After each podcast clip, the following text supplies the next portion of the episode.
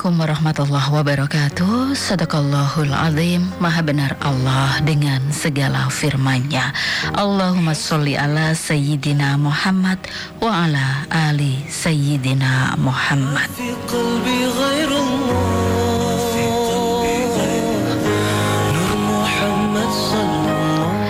Allahumma a'inna ala zikrika wa syukrika wa husni ibadatik. Dulur, selamat pagi semuanya. Semoga pagi ini kita dalam keadaan sehat walafiat. Allah limpahkan rezeki, Allah mudahkan segala urusan kita dan semoga kita senantiasa di dalam rahmat dan lindungan Allah Subhanahu wa taala. Allahumma yassir wa la tu'assir. Allahumma yassir wa la tu'assir. Amin amin ya rabbal alamin. Selamat pagi semuanya untuk di hari ini Kamis 22 Maret 2018. Kita masuk di catatan pagi 933 FM. Sebelum kita masuk untuk di kajian parenting bersama Ustazah Dr. Faizatul Rosyida, saya hadirkan dulu empat permintaan anak yang mungkin tidak pernah mereka ucapkan. Inilah perkataan si anak untuk para orang tua. Wahai ayah ibu, cintailah aku sepenuh hatimu. Ibu, ayah, papa, mama, abi, umi, jangan marahi aku di depan orang banyak. Jangan bandingkan aku dengan kakak atau adikku atau orang lain. Ayah bunda, jangan lupa aku adalah fotokopimu. Kian hari umurku kian bertambah maka jangan selalu anggap aku anak kecil. Biarkan aku mencoba, lalu beritahu aku bila salah. Ayah bunda, jangan ungkit-ungkit kesalahanku. Aku adalah ladang pahala bagimu.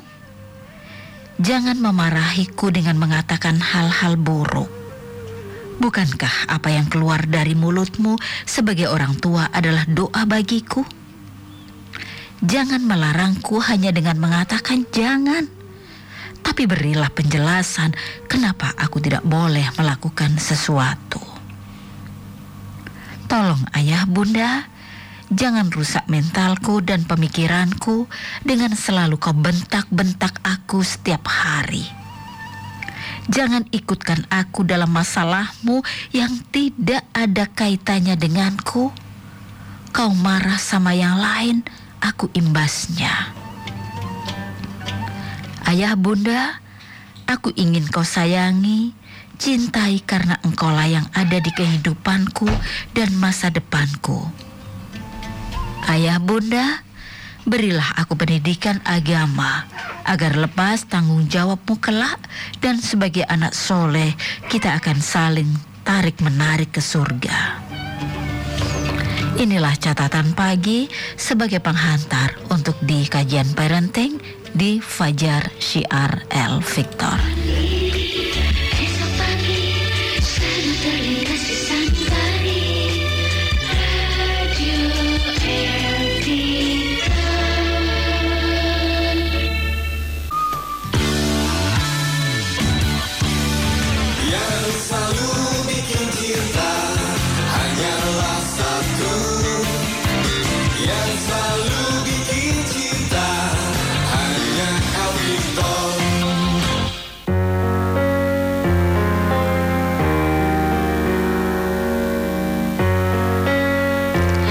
Dulur El Victor, kita masuk untuk di agenda yang kedua ya. Masya Allah hari ini eh, yang punya yang punya keinginan untuk menjadikan anak-anak menjadi anak-anak yang kurota ayun, masya Allah.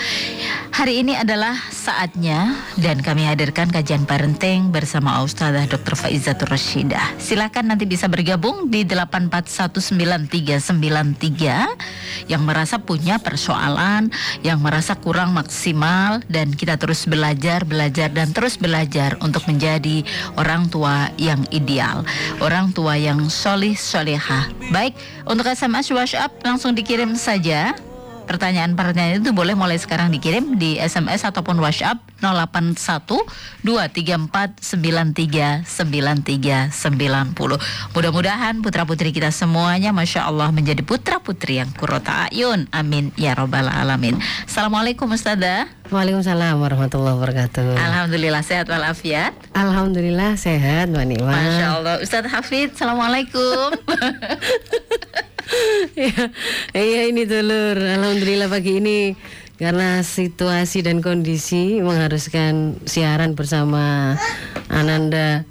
Iya, dua tahun ini ya. Sekalian praktek ya. Ya. Karena ndak ndak ada asisten rumah tangga, ndak ada kebetulan ndak ada bapaknya, apinya.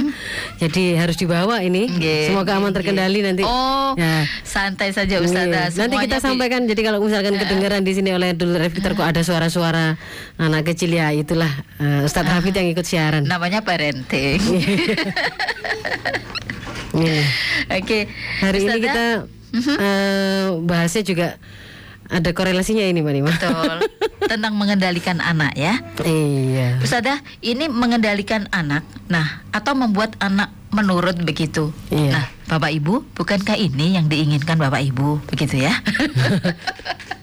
atau gimana nih Ustazah monggo? Iya, jadi ini terinspirasi dari pertanyaan yang masuk ke di, salah satu pertanyaan yang masuk ke kami ketika me- mengasuh eh, rubrik parenting di sebuah majalah begitu Mbak Nima. Jadi eh, pertanyaannya itu gimana ya caranya Ustazah agar anak itu menurut pada orang tuanya kalau dalam pandangan Islam apa saja yang menyebabkan anak itu kok nggak nurut. Nah, jadi memang kalau kita lihat hari ini memiliki anak yang menurut pada orang tua itu tentu saja memang menjadi dambaan setiap orang. Eh, namun tak jarang justru kita melihat kok malah kita sering mendapati anak-anak susah sekali kan kemudian menuruti apa kata orang tua. Bahkan pada kesempatan yang lain anak-anak kita mungkin malah membangkang. Nah, apa yang kemudian harus kita lakukan, apa yang harus kita ajarkan agar anak kita menurut pada kita. Nah, yang pertama itu ini justru yang harus didudukkan dulu, yang difahamkan dulu justru orang tuanya. Kok begitu? Nah, apa ya, yang harus disadari dan dipahami dulu oleh orang tua bahwa menurut atau taat kalau dalam konsep Islam ya, itu hanya ada dalam konteks kebenaran. Oh, ya, itu dulu. Jadi nggak semua, memang nggak semua apa kata orang tua harus dituruti. ya. Konteksnya harus kebenaran. Ah, hanya ada dalam konteks kebenaran, yaitu ketaatan yang berpangkal pada eh, ketaatan kita sebagai makhluk kepada Allah yang menciptakan kita dan menciptakan anak kita. Tidak ada ketaatan kepada siapa pun kalau itu dalam rangka bermaksiat pada Allah. La ta'atan li makhluk, la ta'atan li makhluk fi maksiatil khaliq. Itu kok kaidahnya. Jadi tidak ada ketaatan pada makhluk mana pun kalau itu dalam rangka bermaksiat pada Allah. Enggak ada ketaatan seorang pegawai kepada atasannya kalau itu dalam rangka maksiat pada Allah. Tidak ada ketaatan istri pada suaminya kalau itu dalam rangka maksiat pada Allah. Sehingga sebagai orang tua kita harus paham bahwa itu adalah eh, konsep ketaatan yang hendak kita bangun pada anak kita. Jadi memang kita ha- hanya ingin anak kita itu menjadi anak yang taat kalau memang dalam keadaan benar dan harus taat. Tapi dia justru tidak boleh taat ketika itu memang tidak dalam ketaatan yang di- diperintahkan atau dibenarkan oleh Islam. Karena ada kalanya bisa jadi nanti ketika dia di sekolah begitu ya, dia ketemu dengan lingkungan pergaulan yang lebih besar, mengenal anak-anak mungkin anak-anak yang tidak tepat yang membuli dia, memaksa dia melakukan sesuatu. Kalau konsep ini tidak terbangun dengan betul, bisa jadi dia takut. Bisa jadi dia kemudian menjadi anak yang apa namanya? mengikuti mengikuti apa kata temannya. Berarti ini harus dikokohkan dulu begitu Ustazah ya. Iya, jadi itu sesuatu yang orang tua paham dulu, pegang betul, Pegang betul. pegang betul, baru kemudian dia akan bisa membangunkan ketaatan itu kepada Allah, yaitu eh, ketaatan itu pada anaknya, yaitu ketaatan yang berpangkal kepada ketaatan kepada Allah. Jadi landasan orang tua juga di sini benar ketaatannya kepada Allah bukan apa saja yang dikatakan orang tua tetapi ini bersandarnya ketaatan kepada Allah Allah, begitu ya. iya. Allahu Akbar ya. ya jadi itu kejelasan standar kapan harus taat dan kapan tidak boleh taat itu menjadi salah satu faktor yang akan memudahkan anak kita untuk menjadi anak yang penurut yang menurut dalam konteks yang benar Oke. Nah, itu yang pertama. Yang kedua sekarang. Eh, jadi sebelum kita mengajar kepada anak berarti kita harus menjadi pihak yang mengenali dulu Oke. apa yang dimaksud dengan kebenaran dan apa itu kebaikan. Kebenaran dan kebaikan adalah segala sesuatu yang diperintahkan oleh Islam atau dipuji oleh Islam atau dijanjikan imbalan kebaikan oleh Islam atau yang dibolehkan oleh Islam. Nah, sebaliknya justru kesalahan atau kemaksiatan adalah ketika itu melanggar apa yang diperintahkan oleh Islam atau dilarang oleh Islam atau melakukan apa yang dicela atau dibenci dan diancam akan dapat sanksi oleh Islam. Itu yang kedua. Yang kedua. Ya. Paham dulu anunya ukuran baik buruk benar salah itu paham dulu orang tua. Orang tua harus paham Nah. dulu. Oke. Oh iya. Yang ketiga, eh, berikutnya orang tua harus bisa menjadi teladan terbaik bagi anak dalam berusaha berjalan dalam kebenaran dan ketaatan tadi, Mbak Nima. Ya dia contohnya gitu loh. Dia tuh contoh contoh hidup bagi anak yang apa yang harus bisa me- menangkap bahwa orang tuanya adalah sosok yang taat pada kebenaran dan ketaatan. Oke, jadi kalau misalkan maksudnya gini, kon- eh, konteks konteksnya adalah ketika misalkan satu saat kita melakukan kesalahan, Iya. ya kan kita melakukan kesalahan, meskipun kita orang tua ya, Mhm. ketika melakukan khilaf mungkin nggak mbak? Nina? Khilaf, iya. Mungkin kan ya? Mungkin. Maka kita harus bisa memberi contoh kepada anak bagaimana menundukkan ke apa namanya? menundukkan ketun, menundukkan diri kita untuk mengakui kesalahan yang kita lakukan dan segera tunduk pada kebenaran yang ditunjukkan oleh anak kita tersebut. Misalnya anak kita yang benar, kita salah, jangan ngotot mentang-mentang orang tua mesti nggak pernah salah, anak mesti mesti salah gitu. Enggak.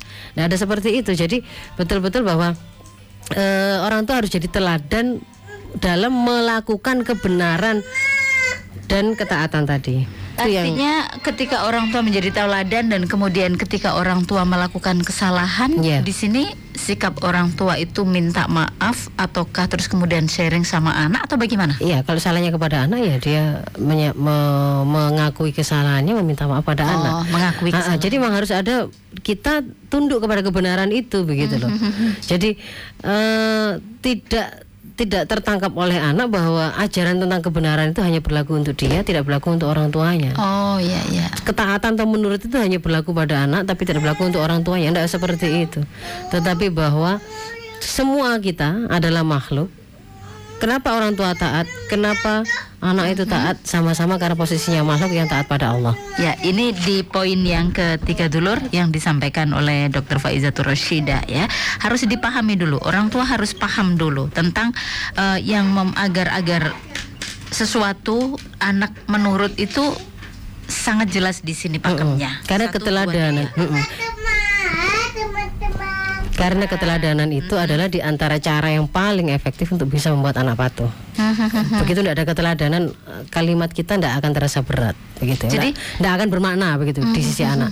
Ngomong tok nggak ngelakoni. Berarti ini yang didandani orang tua dulu ini Nah, dulu. ya. sebenarnya sama dengan eh, lisannya para dai ya. Nggih. Para dai kalau dia tidak menjadi pelaku dari apa yang dia sampaikan, dia tidak akan tidak akan berbobot gitu. Masya Allah ya. Orang tua juga seperti itu berarti. Betul.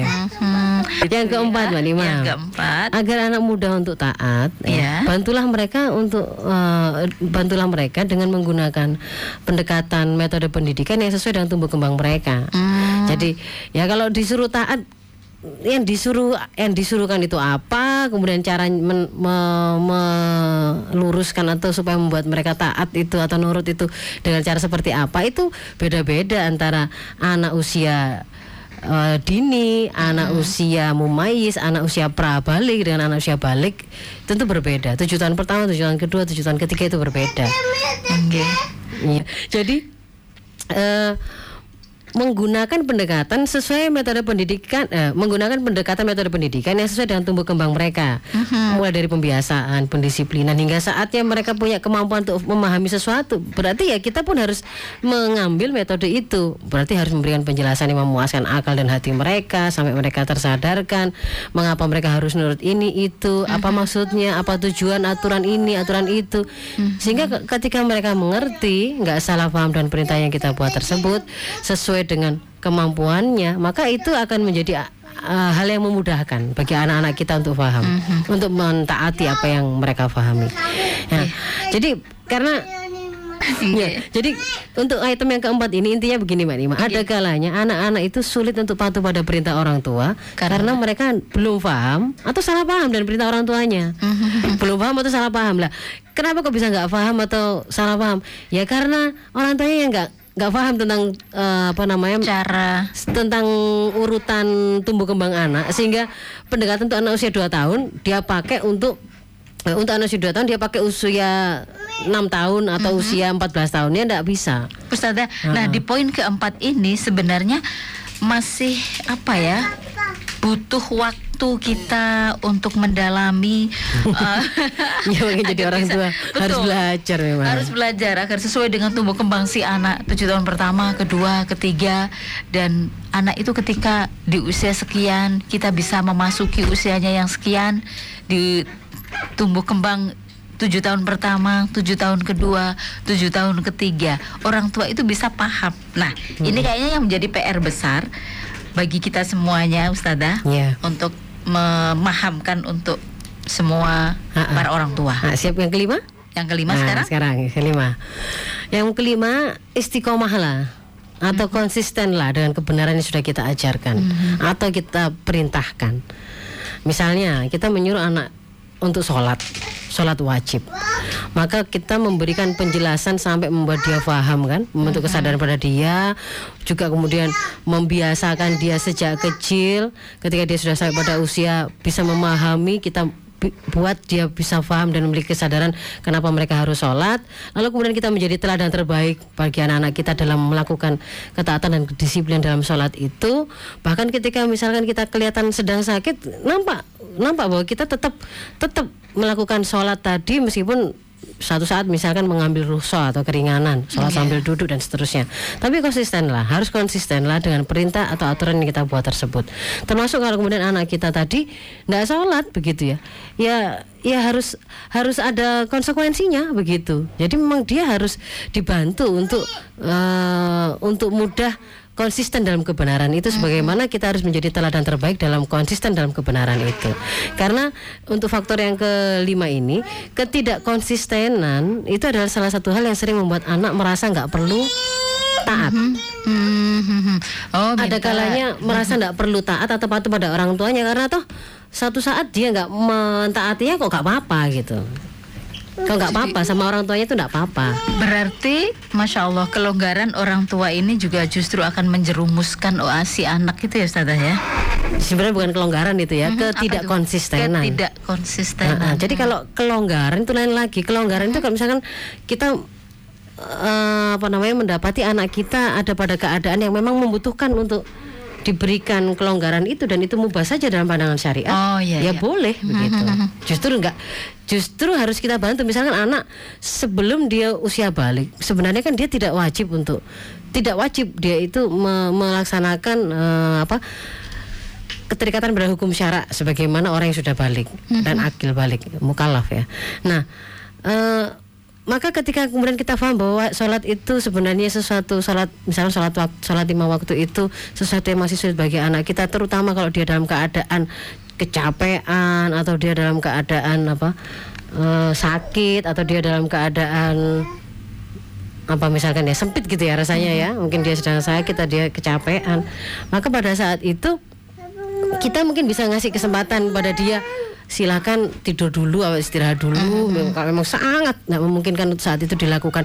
Jangan memaksa sehingga membuat dia malah punya punya persepsi yang tidak baik terhadap eh, ibadah tadi. Karena Oh, iya, dia mengalami pengalaman yang tidak menyenangkan dengan gara-gara sholat. Saya itu dibentak-bentak gara-gara sholat.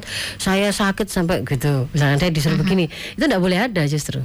Nah justru yang bisa kita lakukan dalam membantu dia gimana caranya supaya dia itu misalkan agar dia belajarnya itu tidak ngantuk agar dia belajarnya tidak ngantuk berarti kita bantu mengatur jadwal gimana situasinya itu membuat dia tidak ngantuk ketika mengerjakan PR begitu. Karena oh sudah dibantu tadi pulang sekolah biar tidak terlalu capek dia sudah disuruh ibunya tidur atau istirahat dan seterusnya. Itu contohnya mbak Nima.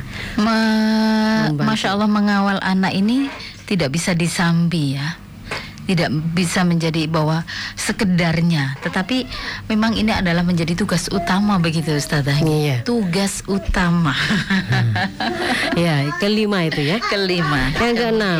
Enam mhm. lakukan semua pendidikan tersebut dengan penuh kasih sayang Mhm. ketegasan namun penuh dengan kelembutan sebentar Ustazah Mm-mm. dilakukan dengan Ke- ketegasan tegasan penuh kasih sayang namun penuh dengan kelembutan. Mhm. Nah, jadi tegas itu bukan berarti keras, kaku ataupun kasar. Mhm. Selalu buka diri kita untuk memahami kondisi yang sedang dihadapi oleh anak. Jangan memaksakan perintah atau aturan ketika keadaan anak memang nggak memungkinkan untuk melakukannya. Itu akan membuat dia berat. Oh, keadaan tidak memungkinkan. Ini te- ini sebenarnya poin yang tadi Mbak Nima mengira ini poin kelima. Tadi longgar tadi ya. Oh, ini iya, keenam, ini Oh, keenam, ini di keenam. keenam. Jadi mis- misalnya jangan maksa anak harus menurut perintah kita untuk belajar dua jam di malam hari. Harus tetap dua jam. Padahal pada waktu itu anak kita kurang sehat atau dia terlalu lelah karena aktivitas yang hari itu mungkin sangat banyak. Sebaliknya kita justru harus mencari cara untuk membantu dia agar lebih mudah melakukan perintah kita tersebut. Kita bantu mengatur jadwal, kapan sebaiknya istirahat, kapan bermain, kapan belajar. Sehingga pada saatnya dia belajar memang ketika disuruh untuk mengerjakan PR duduk manis itu mah dia dalam keadaan optimal untuk melakukannya dan tidak berat.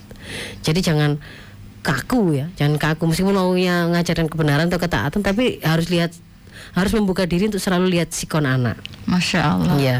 Ibu itu begini ya Ini ketambahan Mbak Nima melihat live ini mungkin ya. Bukan, bukan. Bukan ya? Bukan asik Luar biasa Ya, Bukan seperti itu ya. Jadi karena sering kali kondisi yang tidak memungkinkan inilah membuat anak terlihat seperti tidak nurut atau tidak mau nurut.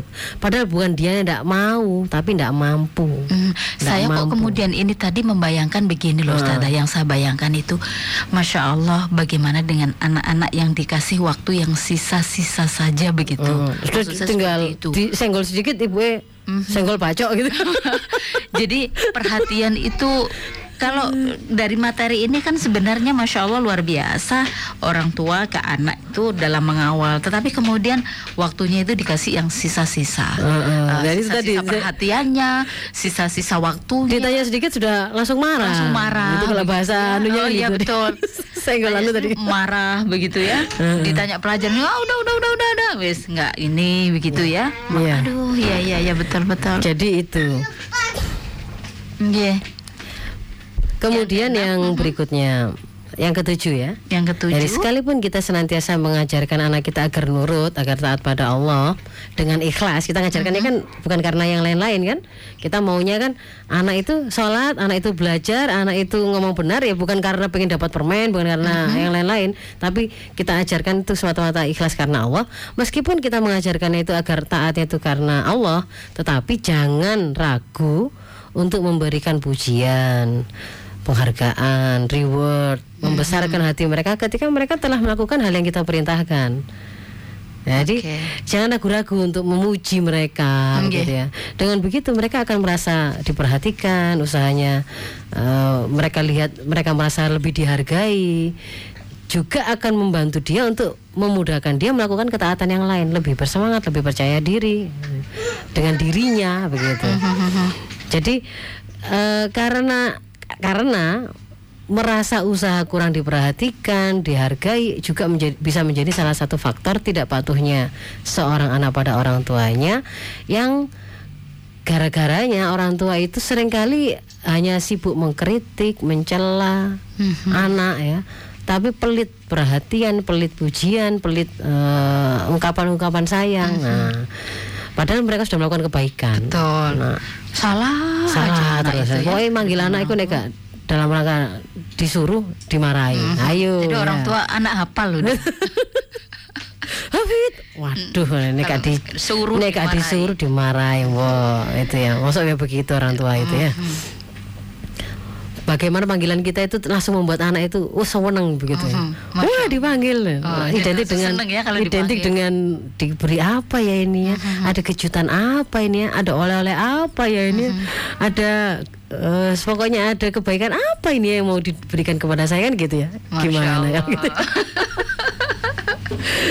Biasanya ketika masih kecil masih begitu. kecil kalau Nah, kecil masih begitu. kecil. Kalau udah agak besar gitu Dipanggil gitu, oh mau dikasih mau dikasih hadiah ya Mi.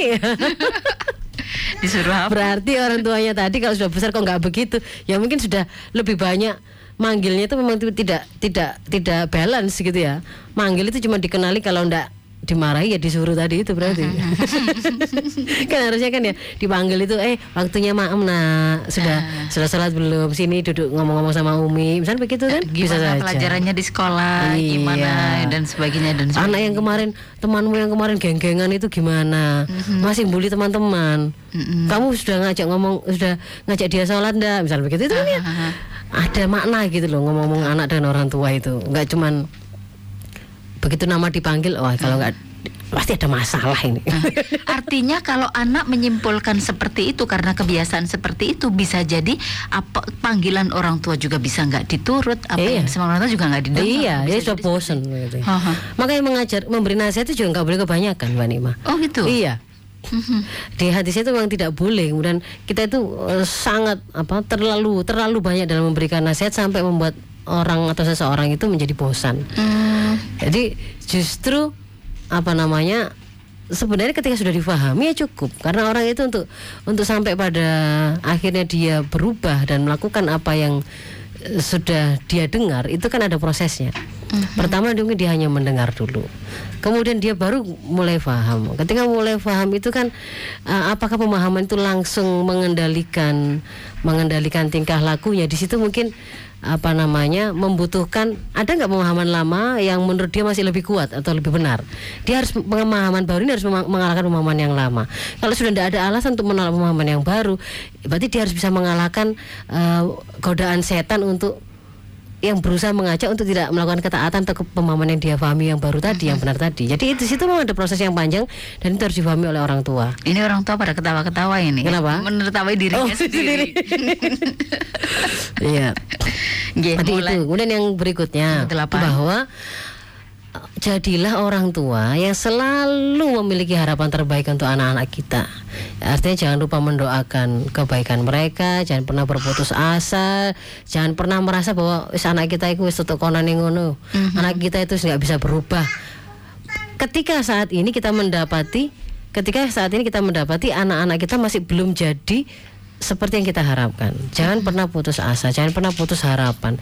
Jangan pernah mengucapkan kalimat yang seolah-olah me, me- memfonis inilah sudah finalnya kondisi anak kita. Itu tidak boleh seperti itu. Karena jangan-jangan putus asanya kita putus asanya kita atau dugaan buruk kita kepada anak itu bisa menjadi salah satu doa yang bisa membuat mereka menjadi lebih sulit berubah Oke. Nggih, untuk Ustazah. menjadi lebih baik dan menurut di kemudian hari.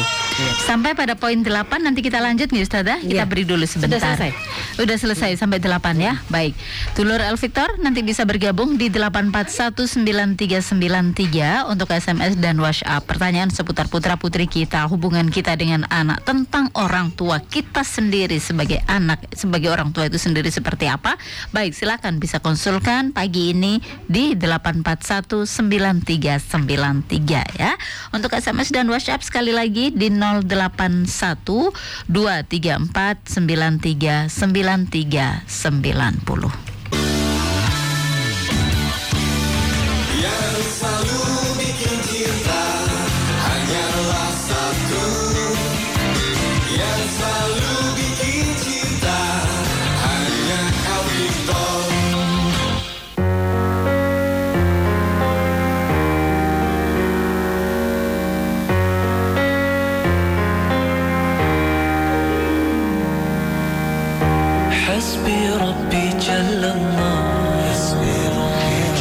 Victor masih di kajian parenting ya. Sanik Aziz bersama Mas Helmi Ansori masih tetap sampai jam 8 nanti Dulur Al Victor bersama Dr. Faizatul Rasyidah. Ya, Ustazah, ini ada pertanyaan? beberapa penanya yang kepingin agar poin 1 sampai 8 itu diulang. Loh, diulang lagi. Oh, karena tadi karena tadi ya. Eh, terlalu cepat katanya begitu. Ah, Oke. nggih. Boleh, boleh. Yang pertama tadi Mbak Nima tadi nyatat ketaatan. Ten- eh, anu mendudukkan kembali Oke. apa yang dimaksud dengan ketaatan itu dulu Betul. kan begitu karena kalau orang tuanya itu salah persepsi salah paham terhadap apa makna taat apa makna nurut Mhm. ya dia tidak akan bisa mengajarkan anak untuk nurut untuk eh, taat tidak bisa Mhm. itu yang pertama. Yang kedua? Nah, tadi kan yang dimaksud dengan ketaatan atau apa kebenaran atau sebentar saya ulang lagi. Ini poin-poinnya saja Nah, saya yang kira pertama ya. tadi kan ah, yang pertama tadi orang tua harus paham dulu apa makna menurut atau taat dalam konsep Islam. Ya, yang tadi saya sampaikan bahwa ketaatan atau eh, menurut dalam konsep Islam adalah ya harus berpangkal kepada ketaatan kita pada Allah. Iya. Ujungnya di situ lah taatan li makhluk fi khaliq.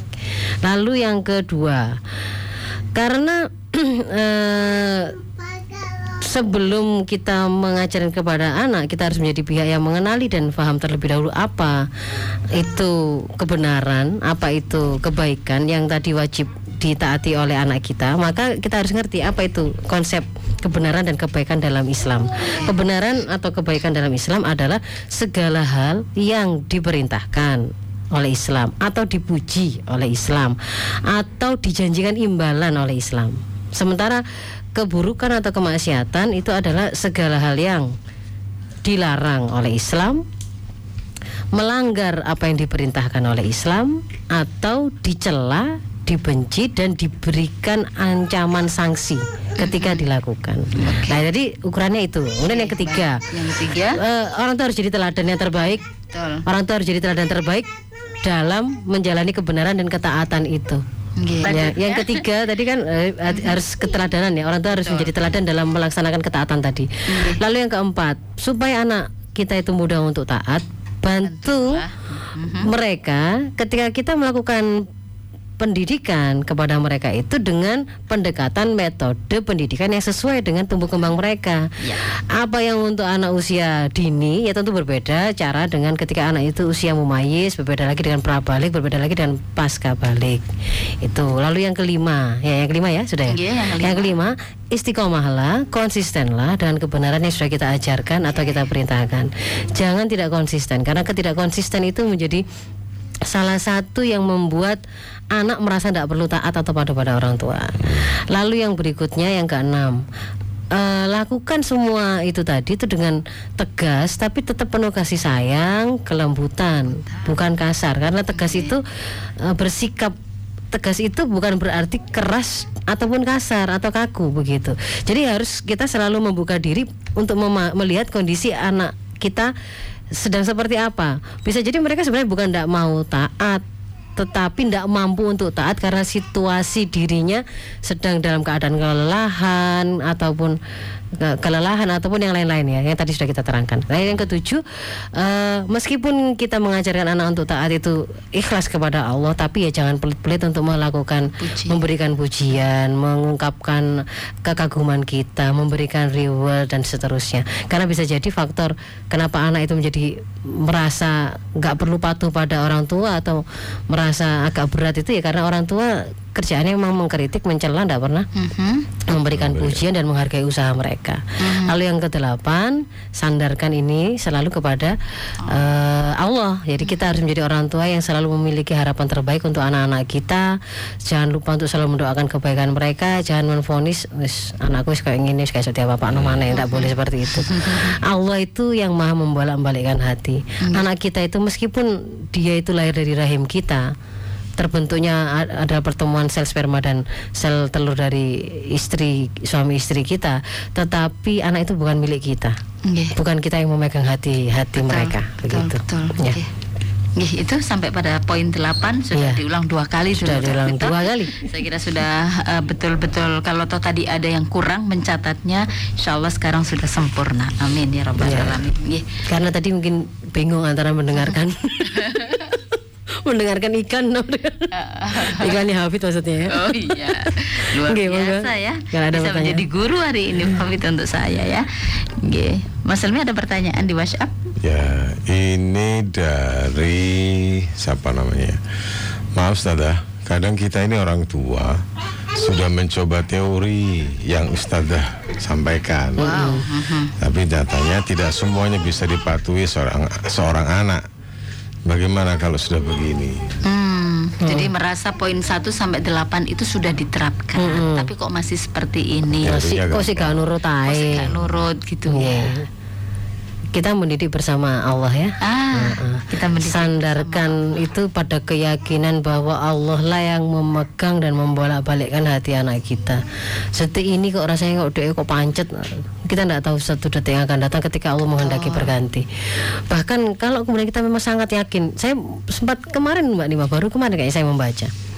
Salah satu tips yang diberikan oleh orang tua, ibu-ibu ketika sharing melakukan sharing bagaimana teknik menyapih anak.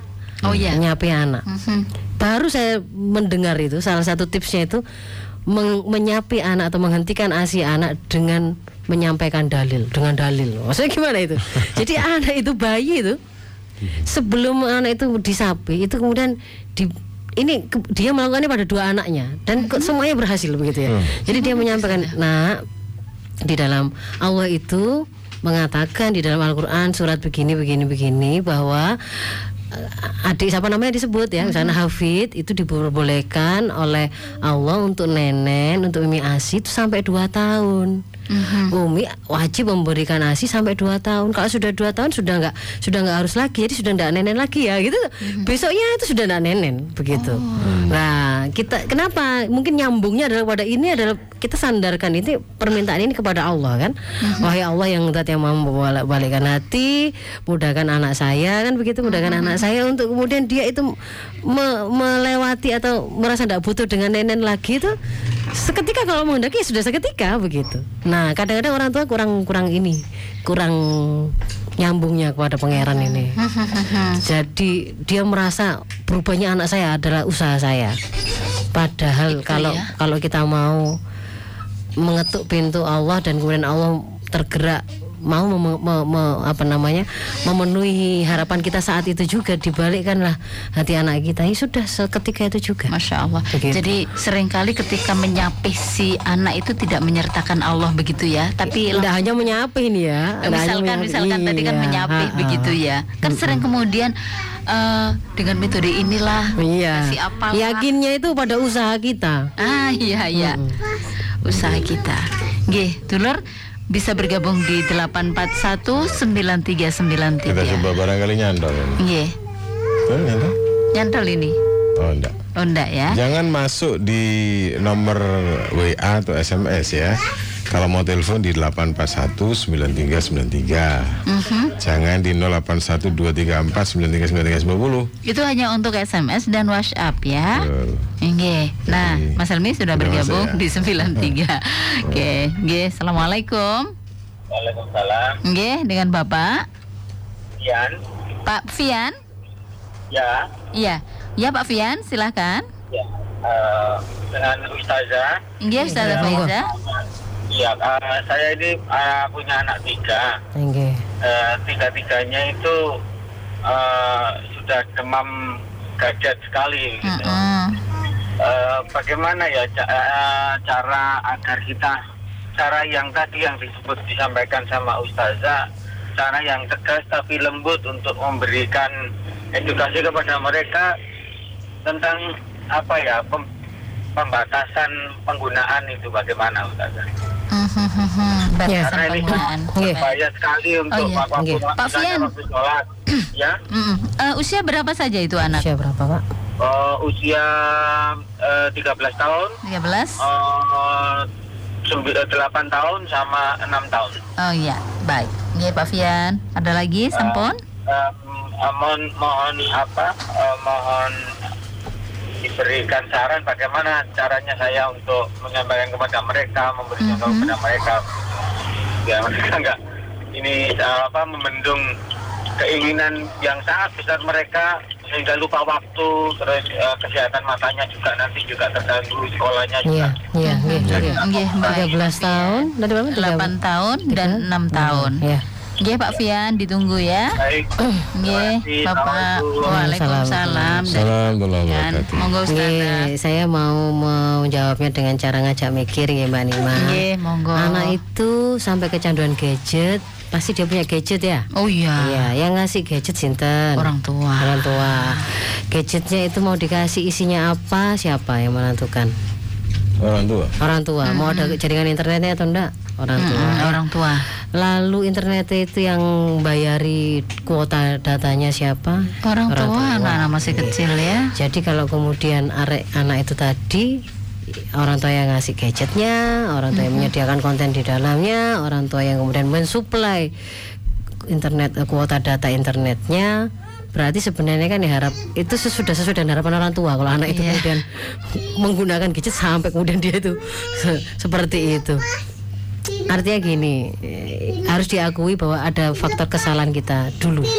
Dulu, dulu. Maksudnya yang pertama kita harus menyadari bahwa ada kesalahan yang sudah kita lakukan dulu sebelum kita menyalahkan anak kita Minta apa yang dilepas Ustaz Hafid? ke kamar mandi. Oh gitu.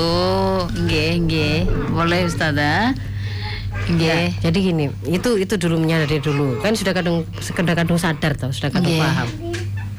Untuk Pak Hafid ya. Oke. Oh. Ya, jadi kemudian ke- dari Nah, dari semua usia yang disampaikan, semua yang disampaikan itu sebenarnya belum usia untuk memegang gadget Gadget betul. sebenarnya. Dan ini memang Baik. Ah, oke. iklan dulu saja kalau begitu. Iklan dulu, baik. nggih. Ini Ustadz Hafid minta ke kamar mandi ya. Jadi kita harus break dulu sebentar. Oke. Tadi ada pertanyaan juga yang disampaikan melalui SMS ini Mas Helmi. Eh, tentang tumbuh kembang anak yang ini memang usia 7 tahun pertama, 7 tahun kedua dan 7 tahun ketiga. Nanti kita tanyakan bersama Ustazah Dr. Faizatul Rasyidah. Baik, kita masuk kembali masih bersama Ustazah Dr. Faizatul Rasyidah. Ya, tadi soal gadget ya. Ya. Waktunya tinggal 5 menit Ustazah. Ya, ah, dengan cepat ya menjawabnya. Jadi eh, kalau kalau sudah kecanduan, yang itu ditandai dengan beberapa ciri-ciri.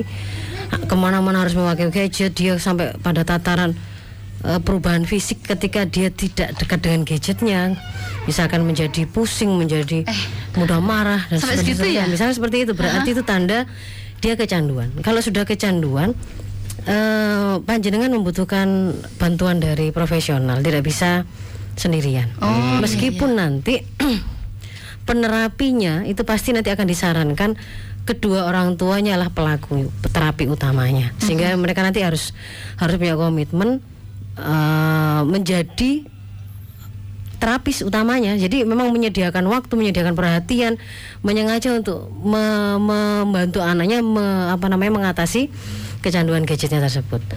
Nah, yang kemudian supaya gak sampai kejadian kecanduan bagaimana ya?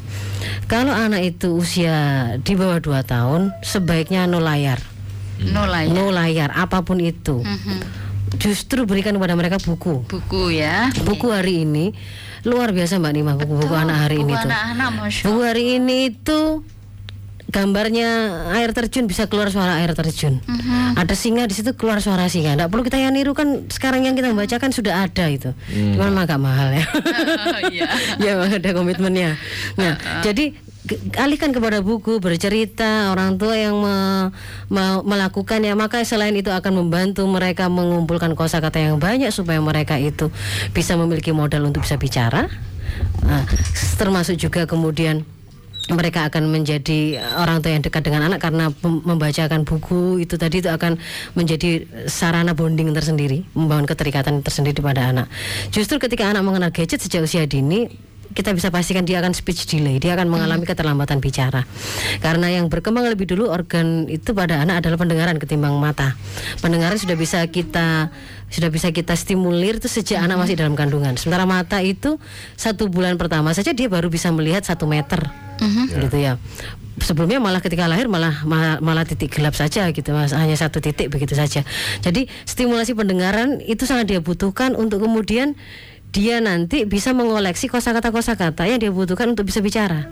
Sementara kalau dia dikenalkan gadget berlayar terlebih dahulu, maka stimulasi pendengaran belum sudah kena stimulasi mata dan apa yang ditampilkan di televisi, di gadget berlayar itu kan cepat. Iya. Dia nggak paham tapi itu pokoknya cepat jalan begitu. Jadi dia ndak ndak terstimulir itu tadi pendengarannya. Dia ndak nggak nggak berhasil mengumpulkan kosakata dari situ. Cepat saja tapi perhatiannya sudah di situ dan akhirnya menjadi anak yang justru blocking auditori. Biasanya kalau sudah kadung asik di depan gadgetnya dia nggak akan dengar gitu. Nggak Iya. akan dengar dipanggil Nggak dan akan dengar seterusnya. dipanggil juga nggak akan dengar. Sebenarnya ini satu bahasan seminar tersendiri ya. Betul. Disuruh jawab dalam satu lima menit. Lima menit, Itu ya. baru dua tahun ya. Dipaksa kan ini. Seharusnya ini satu jam ya jawabnya ya. Seharusnya satu jam. Ya kemarin saya empat jam ini di Lamongan ini. Oh, di Lamongan. Khusus bahas tentang Ya, ini. Ustazah, ini memang ada Gimana PR ya? dua PR besar. Yang satu adalah persoalan masalah gadget yang Iya. memang sekarang Iya, lagi nyandu begitu. Apa ya. kita ulang lagi ya? Ini ada bulan ini ada minggu kelima. Minggu kelima ada Kamis boleh. kelima ya. Boleh, Khusus bahas itu lagi lah, nggak apa-apa. Oke. Gadget. Gadget. Mas Elmi ya, di. PR kan ya. Ya. Nanti diagendakan untuk di yang kelima ya. Terus yang berikutnya, kalaupun kemudian kalau anak sudah usia lebih lebih tinggi, orang tua sudah merasa anak memang butuh komunikasi supaya nanti bisa janjian kapan dijemputnya di mana nggak golek-golekan misalnya begitu. Berarti ya penuhilah kebutuhan itu sesuai dengan peruntukannya. Kalau hanya butuh untuk komunikasi komunikasi itu apa sih? Telepon SMS ya. Sudah kasihlah HP jadul yang bisa pokoknya bisa dikasih bisa dipakai SMS bisa dipakai telepon. Sudah jangan pakai ada di situ ada internetnya dan seterusnya. Nah, lalu yang berikutnya kalau misalkan anak itu sekarang nggak sekedar untuk komunikasi tapi untuk mengerjakan PR, sudah Iya. mulai untuk dia harus browsing, dia harus googling dan seterusnya. Boleh. Boleh. Internet itu kita berikan, jaringan internet itu kita berikan sebagai jaringan umum. Artinya bukan ada di gadget pribadinya dia, dia bisa bawa ke mana-mana di kamarnya dan seterusnya. Tetapi itu mungkin wifi, wifi misalnya ya, wifi di, wifi di di rumahnya, yang itu kita yang mengendali passwordnya, apa yang kemudian dia akan buka. Jadi kita dampingi begitu. Nyari apa nak? Karena ketika anak itu diberikan kebebasan ya, coba sering saya contohkan. Misalkan dia dapat PR cari komposisi buah duku, isinya buah duku itu apa saja kandungannya. Dia kan nulis kandungan buah D, gitu kan. Baru D itu kan sudah DA, buah dada. Muncullah di situ kalau nggak sengaja keklik dia akan nyambung ke kesasar ke mana-mana. Ke mana-mana, Begitu loh. Yang orang tua mungkin jadi dia nggak ngerti. Oh, cuanggi anakku yang ngerti internet. Oh, cuma ngono tok aku cuanggi itu biasa itu. Karena orang tuanya yang nggak ngerti gitu kan. Jadi itu dalam jaringan yang sifatnya dia- kita yang mengendalikan, kita mendampingi. Baik Ustazah. Kalau terakhir ini ya Iya, terakhir. Kalau kemudian nanti anak itu sudah kita pastikan eh, terbangun kepribadian Islamnya yang bagus, ukurannya mestinya maksimal usia 14 tahun itu, Mhm. karena di situlah maksimal angka untuk usia untuk dia akil balik kan. Mhm. Barulah setelah itu kita namanya sudah yakin dengan kepribadian anak kita, dia sudah ngerti mana yang benar, mana yang salah, mana yang penting, mana yang nggak penting. Kita akan merasa lebih aman untuk memberikan gadget itu pada anak kita begitu. Oke. Ya, Bill Gates dan dan sampai itu Stephen Jobs memberikan anak setelah 14 tahun gadget. Itu ya, baik. Ya Ustazah, terima kasih banyak. Nanti insya Allah kita akan lanjutkan pada minggu-minggu berikutnya masih pembahasan seputar anak dan orang tua. Ustazah, terima kasih. Jazakillah. Assalamualaikum. Waalaikumsalam warahmatullahi wabarakatuh. Dan kita pun harus segera pamit setelah ini eh, untuk dulur El Victor bisa ikuti talk show ensiklopedia pengetahuan Al-Quran dan hadis bersama PT Kamil Pustaka. Baik, kita pun harus pamit. Mhm. Mohon maaf saya Ilmi Ansori. Saya Nikma Aziz, Billahi Taufiq wal Hidayah. Assalamualaikum warahmatullahi wabarakatuh.